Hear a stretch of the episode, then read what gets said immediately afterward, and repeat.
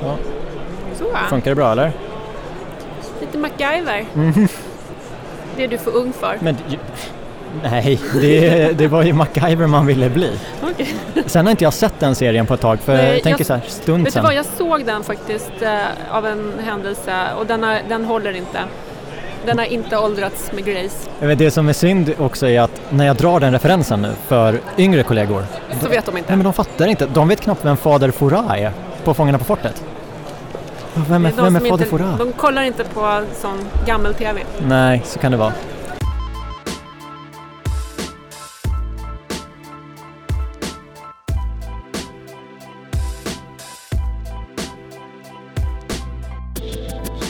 Det offentliga rummet är en otroligt viktig del i samhällsplaneringen.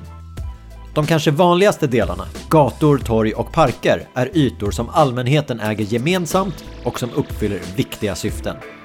Och syftena är flera. Men hur har de förändrats över tid? Och hur ser det ut framåt?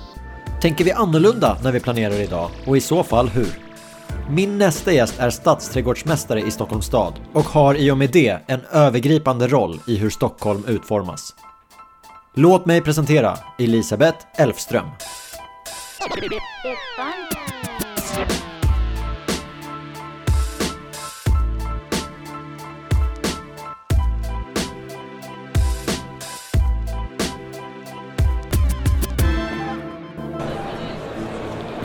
Från Business Arena i Stockholm, varmt välkommen till hela kedjan Elisabeth. Tack! I introt har jag presenterat dig som stadsträdgårdsmästare i Stockholms stad. Stämmer bra. Vad gör man då? Ja, vad gör man? Man har ansvar för det offentliga rummet, brukar jag säga. Och då brukar folk säga, ja, vad är det offentliga rummet? Eh, och då är det, tänker jag, allt som inte är byggnader. Och ibland är det byggnader också. Och det är ansvaret, men uppdraget, för du hoppade ju på den här rollen för snart ett år sedan. Nej, jag började i, vid nyår, så jag har varit där sedan i, ja, sedan januari ungefär. Så det är ganska nytt. Den tjänsten jag har är inte ny, men eh, arbetsbeskrivningen är ny. Så att nu har jag ett strategiskt ansvar för det offentliga rummet och vara Stockholms, hela Stockholms stadsträdgårdsmästare. Men jag sitter på den förvaltningen som vi här då kallar för trafikförvaltningen. Eller trafikkontoret, menar jag. Mm. Du nämnde offentliga rummet och det är nog ganska många som har en bild av vad det är. Men kan inte du... Vad är det utifrån- offent- Ja, men precis. Från, från din roll. Vad, vad menar du när du säger offentliga rummet? Ja, men jag brukar börja med att säga, jag brukar börja med att liksom bryta ner det egentligen lite och säga att offentligt eh, är, är det liksom nästan det finaste ordet jag vet. Eh, för att det kan betyda allmän eh, och liksom öppen. Eh, och det tycker jag säger ganska mycket om vad, vad, vad ett rum kan vara eller en plats kan vara. Så att det är där man kan vara eh, fri tillgång till, man behöver inte handla någonting eller konsumera utan alla är välkomna och fritt att vara. Och sen så kan det vara då självklart en, vad man skulle kunna säga, en hård plats. Det kan ju vara, det är så torg och gator och lekplatser och den typ av miljöer. Eh, men det är ju också grönområden, parker, eh, naturområden. Det är ju också ett offentligt rum fast det är ett annat slags offentligt rum. Så det är en plats man kan vara på. Ja. Men, men vad är syftet med offentliga rummet idag? Syftet är väl att det är någonting som vi allihopa kan dela på fritt. Att det ska vara tillgängligt för oss allihopa att vara där på lika villkor, fritt. Så tänker jag att, att den, liksom, den fina definitionen av det offentliga rummet är. Och sen så rent, rent liksom, eh, man ska säga rytmen i staden, det är ju ytterligare en sak. Men alltså att den har liksom en, en, att det offentliga rummet eller rumsligheter har en funktion i stadsväven att, att göra någonting med, med hur man upplever en stad. Eh, men det är, en annan, det, det är två saker egentligen. Det är liksom, dels har den ju självklart att, att den liksom definierar en stad, hur man upplever en stad. Men sen så är det ju att alla har fritt att vara där. Det är okej att vara där för alla. Har det varit samma syfte historiskt? Ja men det kan man nog ändå säga att det har varit. Men sen så kanske det har funnits lite olika, olika eh, anledningar. Man har ju kunnat manifestera makt makt via, via liksom hur man har gestaltat det offentliga rummet. Så man, man tar ja, men, Himmelska fridens torg är väl inte en, ett torg som man är på för att det är så himla mysigt. Liksom. Så det är ju det är ett offentligt rum som manifesterar makt. Eh, om man jämför det med en liten lekplats i liksom, Bredäng eller sådär. Men det är fortfarande offentliga rum. Men eh, det har också varit så att historiskt så fanns det ju ganska mycket sto stora ytor som inte var tillgängliga men som var alltså parker och så som, som, man, som eh, de, ja, där liksom det lägre skiktet inte hade tillgång till att vara i. Så det, det, har ju inte alltid varit tillgängligt så. Eller det har ju, det har inte alltid varit eh, ja, inte alltid varit tillgängligt. Men man har vetat att det har funnits kanske. Men hur långt tillbaka i tiden är vi då, när det inte var tillgängligt för alla? Ja men det är ju nog mera i början av typ 1800-talet och den så om vi tar de senaste 50 åren? Ja, de senaste 50 åren. Då har stockholmarna använt det offentliga rummet på ungefär samma sätt? Ja, och sen så har det ju liksom också blivit mer och mer eh, utveckling av det för att en, en väldigt liksom, tongivande föregångare till mig som egentligen är, är liksom faden till väldigt mycket av det som vi ser i Stockholm, som är Holger Blom. Han, eh, han utvecklade mycket, han var väldigt framsynt. Det var ju många duktiga stadsplanerare som verkade i slutet av 1800-talet, eller runt förra sekelskiftet. Men eh, han var ju väldigt framsynt och jobbade ju väldigt målmedvetet med att, att skapa offentliga rum som hängde ihop med varandra. Han, han förstod redan då att, att eh, när man får till de här sekvenserna eller kedjorna så gör man eh, det offentliga rummet större. Det låter kanske lite, ja, liksom, får, får man till hur, att, saker, att saker hänger ihop så blir det större än sig självt. Hur menar du då? Finns det något Jag exempel? Jag menar att, ja men till exempel Söder Mälarstrand som hänger ihop med, går in sömlöst med Rålambshovsparken som går in sömlöst med, vad heter den där nere vid Kristinehamn, eller Kristinehov, alltså det finns eh, även om det är ganska smala passager så, så just det här att saker och ting hänger ihop, att man kan röra sig längs en ganska lång sträcka i en, då, i en grön miljö gör ju det mm, mer, mer kvalitet helt enkelt. Då vet vi hur det används idag och mm. att det har varit ungefär samma användning de senaste 50 åren i alla fall. Men när vi blickar framåt, och det behöver inte vara 50 år, men vad, vad ser du då? Jag tror det går fortare än så. Jag tror att det kommer hända ganska mycket saker faktiskt eh, och att framförallt så har det hänt väldigt mycket saker. För att redan innan pandemin så såg vi ett stort intresse av att etablera olika privata eh, intressen i det offentliga rummet Eh, som, som, som alla egentligen har, har glädje av. Om vi säger att om vi pratar om gatorna nu, gator och, och hårdgjort, eh, så finns det ju, vi har, det, det finns ju stora intressen av att sätta ut laddstolpar till exempel. Det påverkar ju, det är ju en typ av privatisering, men en service som man efterfrågar, men det tar ju plats i anspråk. Och uteserveringar inte minst, där har det ju blivit en otrolig boom som hände under pandemin eh, som vi ser och som vi också hade ett, ett liksom, uppdrag att bejaka, att se till att man skulle kunna vara mycket mera ute för att vara där man kunde träffas. Och efter pandemin så har ju också sättet att använda det offentliga rummet förändrats eller liksom utvecklats eller man ska säga. Folk är mycket mera ute än vad man har varit tidigare. Och jag tror att det är en kombination av eh, ja, men dels att man vande sig vid det men också ganska mycket att möjligheterna finns, att regelverket har blivit lite lättare helt enkelt. För förut så var vi Liksom, det fanns mycket regler kring uteserveringar, de fick inte vara så, så stora och man, ja, och nu så försöker vi bejaka det mera för att det finns ett stort intresse. Folk vill träffas på det viset. Uteserveringarna, ja, men det, det, har man ju sett när man går i innerstan under, under sommarmånaderna och även de här gatorna som stängs av och blir till gågator. Mm. Och innan det hände så visste jag inte hur mycket jag tycker om det. Nej. Det, det är ju fantastiskt med ja. de här gågatorna och man känner så här, så här borde det vara hela tiden. Kanske inte om man bor där, men eh, för, för de som bara går och njuter av det så är det ja. fantastiskt.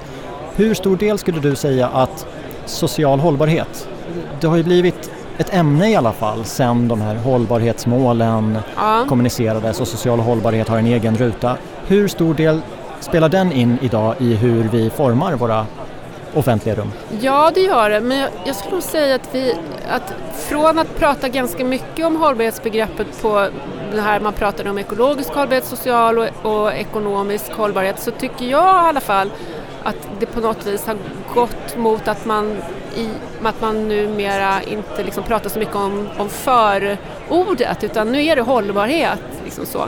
Och det tycker jag egentligen är väldigt bra för att jag tycker att det ska vara en, en självklar liksom, parameter när man planerar.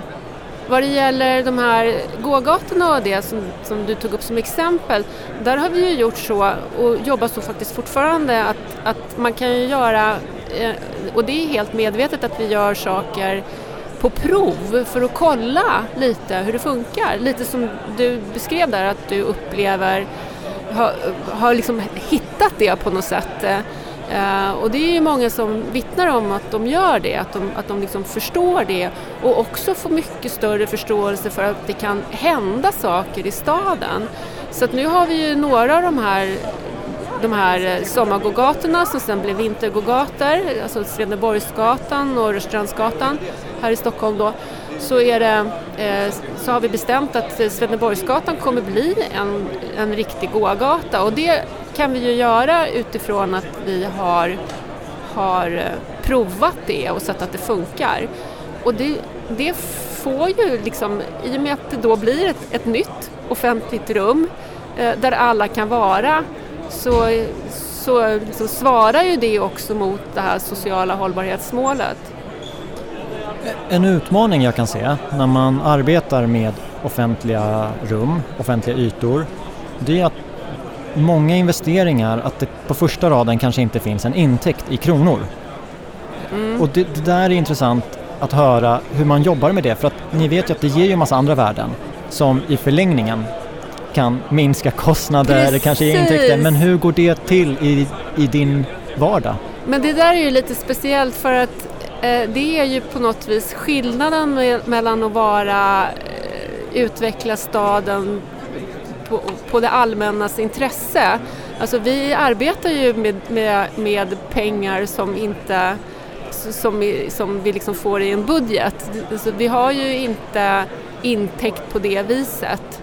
Så därför så, ja, nu, nu sa ju du det själv lite, man, man vill ju liksom, det, det ger, jag tänker att det ger en intäkt ändå, att man får liksom, man får ett mervärde av att förädla ytor som kommer flera till del. Så. När jag gjorde min research inför det här avsnittet ja. så stötte jag på några ja, men, citat eller rubriker, bland annat på Stockholms stads hemsida. Mm. Och det, det, står bland annat hållbara städer, mm. skapa förutsättningar att utveckla gröna, hälsosamma och trygga städer. Mm. Grönare Stockholm är en satsning inom Stockholms stad för att utveckla stadens gröna värden. Parker, gångstråk, naturområden och torg förnyas, förbättras och rustas upp. Och då är min fråga till dig, Känner du att stadsutveckling och gröna värden går hand i hand? Jag känner att det är en... Nej, jag skulle vara så här att det är, det är alltid en fråga om avvägningar eh, och kompromisser ändå. Det är ju klart att vi, vi har ju haft ett uppdrag att bebygga redan i anspråktagen mark. Det är ju den marken som, som Stockholm först ska liksom... Men, men, vi har, men mycket, den marken är ju redan tagen, alltså, så att vi bygger ju mycket på jungfrulig mark också. Så att det är klart att det försvinner ju gröna värden, det gör det ju. Men då vill det ju till att, att de värdena som man, som man eh, lägger till eller liksom skapar nytt, eller för den delen liksom lyckas spara, att de får en sån kvalitet så att de ändå, så att det inte blir det kanske alltid blir lite minus men att det blir så lite minus som möjligt. Ja, för... det, det, är ju liksom, ta, det säger ju sig självt, bygger man någonting som har varit grönt då försvinner ju grönt där men då får man jobba hårt på att det är kvalitet i det man tillför. Men du har ju jobbat med utvecklingen av Stockholm i olika roller, både på Stockholms stad och utanför Stockholms stad. Stämmer. Känner du att någonting är annorlunda nu? För att när jag läser om Grönare Stockholm, mm. det ser jag som en nysatsning. Men ja. det, det, kanske inte, det kanske bara hette någonting annat tidigare? Ja, det, ja, den har ju funnits tidigare men jag älskar Grönare Stockholm som begrepp. Jag tycker att det är superbra. Eh, och det, var, det som var med det, det var att det kom en, en, eh, ett uppdrag, det här var ju långt innan jag började, det, liksom, eh, som vi fick ifrån eh, kommunstyrelsen eh, i den budgeten som lades 2016 eller 2017 tror jag det var. Eh, och i det så, fick, så kom det liksom en påse pengar som förvaltningen tillsammans, eller som snarare de, de hårda förvaltningarna ihop och då var det miljöförvaltningen och trafikkontoret och exploateringskontoret tillsammans med stadsdelarna skulle välja ut projekt och den, det hade inte hänt. Den projekt, de projekten hade inte liksom kunnat genomföras om inte den här satsningen gjordes. Så man kanske hade kunnat göra dem eh, men i mycket mindre omfattning och i en helt annan takt. Så att, och sen så tycker jag att Grönare Stockholm är genialiskt eh, liksom, begrepp. Jag gillar verkligen det. Jag tycker det är jättebra och jag bara hoppas att det är också någonting som kommer fortsätta, den satsningen. Det är flera intressanta punkter i det programmet. Mm. Alltså de två första de har vi varit inne på med biologisk mångfald och ekologiska samband mm. mellan parker och gröna stråk. Det är exakt det du mm. nämnde i början, att man, mm. man får områden att se större ut mm. än, än vad de kanske är. Ett plus ett blir tre liksom.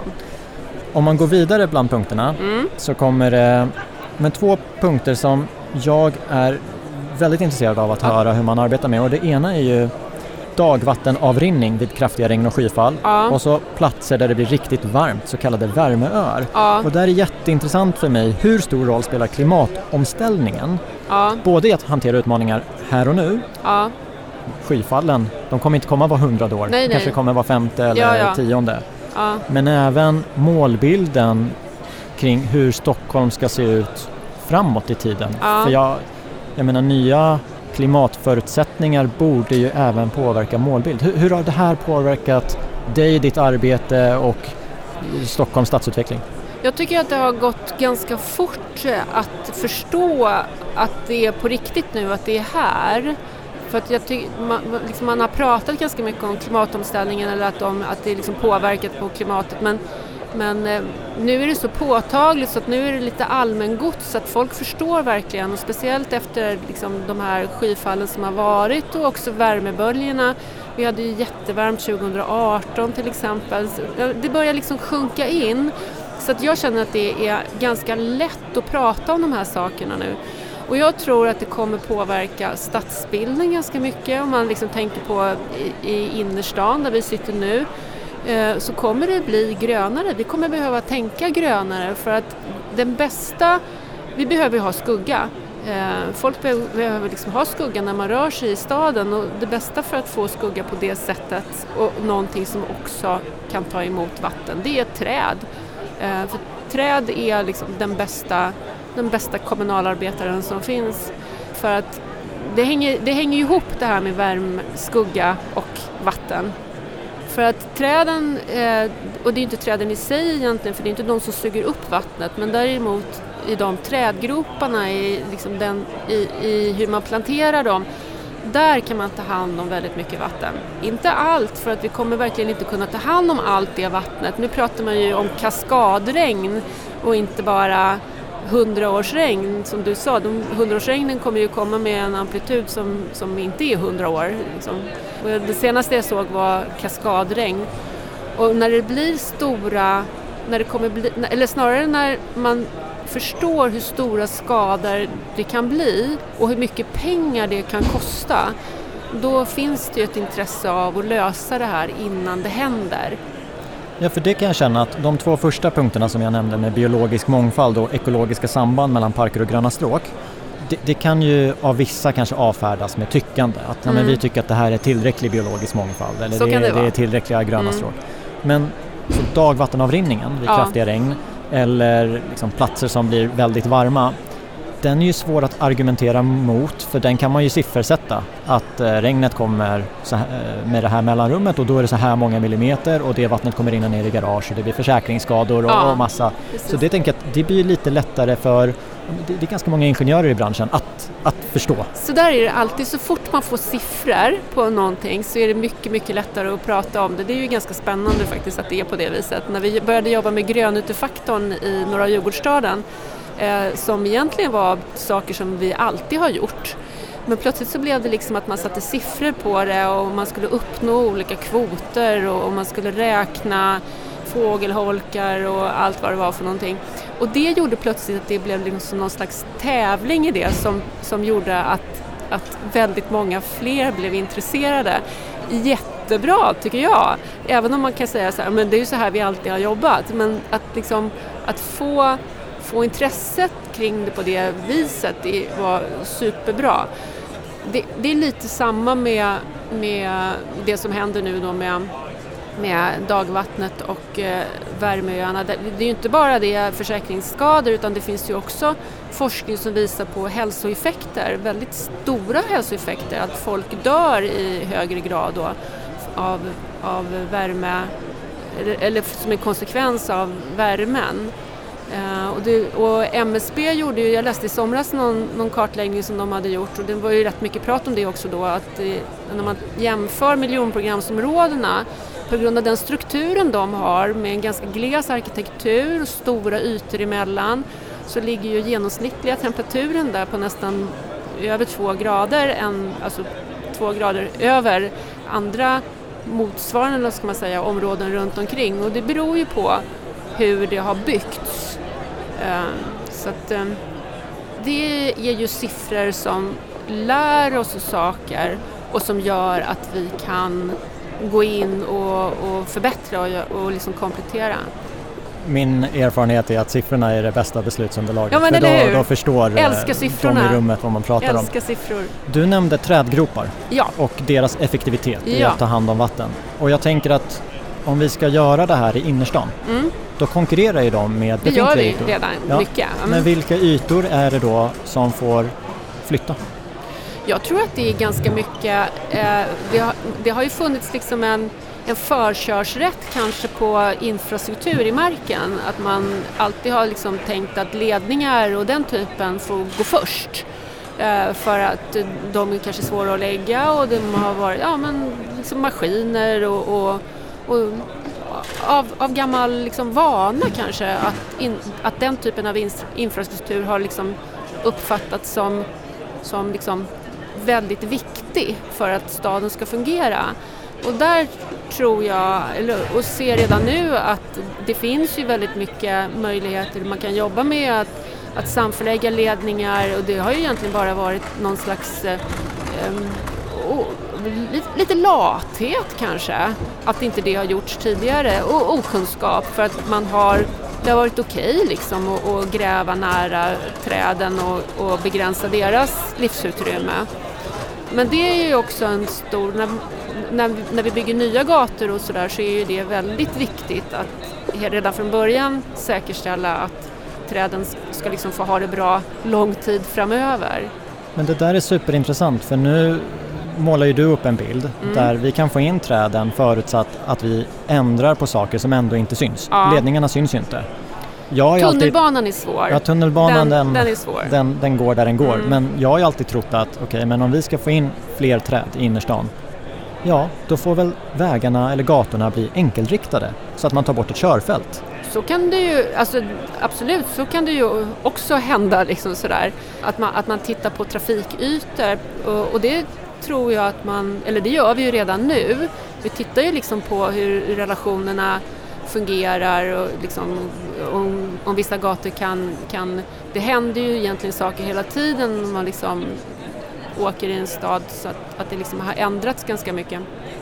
Och så tror jag det kommer bli också. Jag tror att, att vi, vi jobbar ju också med någonting som kallas för framkomlighetsstrategin Eh, där det är att vi ska liksom satsa eller öka andelen gång, cykel och kollektivtrafik. Och det är ju på bekostnad av privatbilismen eller att man ska försöka få bort. Och då, då, då är ju liksom en, en konsekvens, att, eller en konsekvens, men en, en, en möjlighet är ju då att frigöra yta i stan. Och det var lite som du frågade i början där att jag, jag ser, eller jag tror att, att stan kommer bli grönare att vi kommer behöva plantera mera träd och, och, det kan också vara en sak att vi liksom tittar på sektioner och så på gatorna. Men kan det inte bli en låsning då om man exempelvis installerar elstolpar? Mm. För det kan ju vara privata företag ja. som finansierar dem och så kommer man om fem, tio år och säger så här, nej men nu ska det stå träd här. Absolut, det där är lurigt men elstolpar har jag funderat en del på eftersom alltså, tekniken går ju, går ju så himla fort så att de elstolparna som sätts nu, de kommer ju vara skitgamla om fem år, tänker jag. Alltså det händer, kanske inte om fem år, men alltså det, det är en snabb utveckling och vi behöver, vi behöver liksom planera för saker som vi inte har någon aning om framåt. Men det som vi vet, eller det som vi måste liksom förstå, det är ju att det inte kommer se ut som det gör. Liksom. Så, att, eh, alla de anspråk som finns nu kommer nog att förändras. Så det är ju inte så att, att vi har elstolparna, vi har dem där nu men det kommer säkert liksom hända grejer med hur den tekniken utvecklas också. Jag killgissar lite där ju såklart men alltså det, det som är viktigt är ju att inte tro att det, att det är statiskt.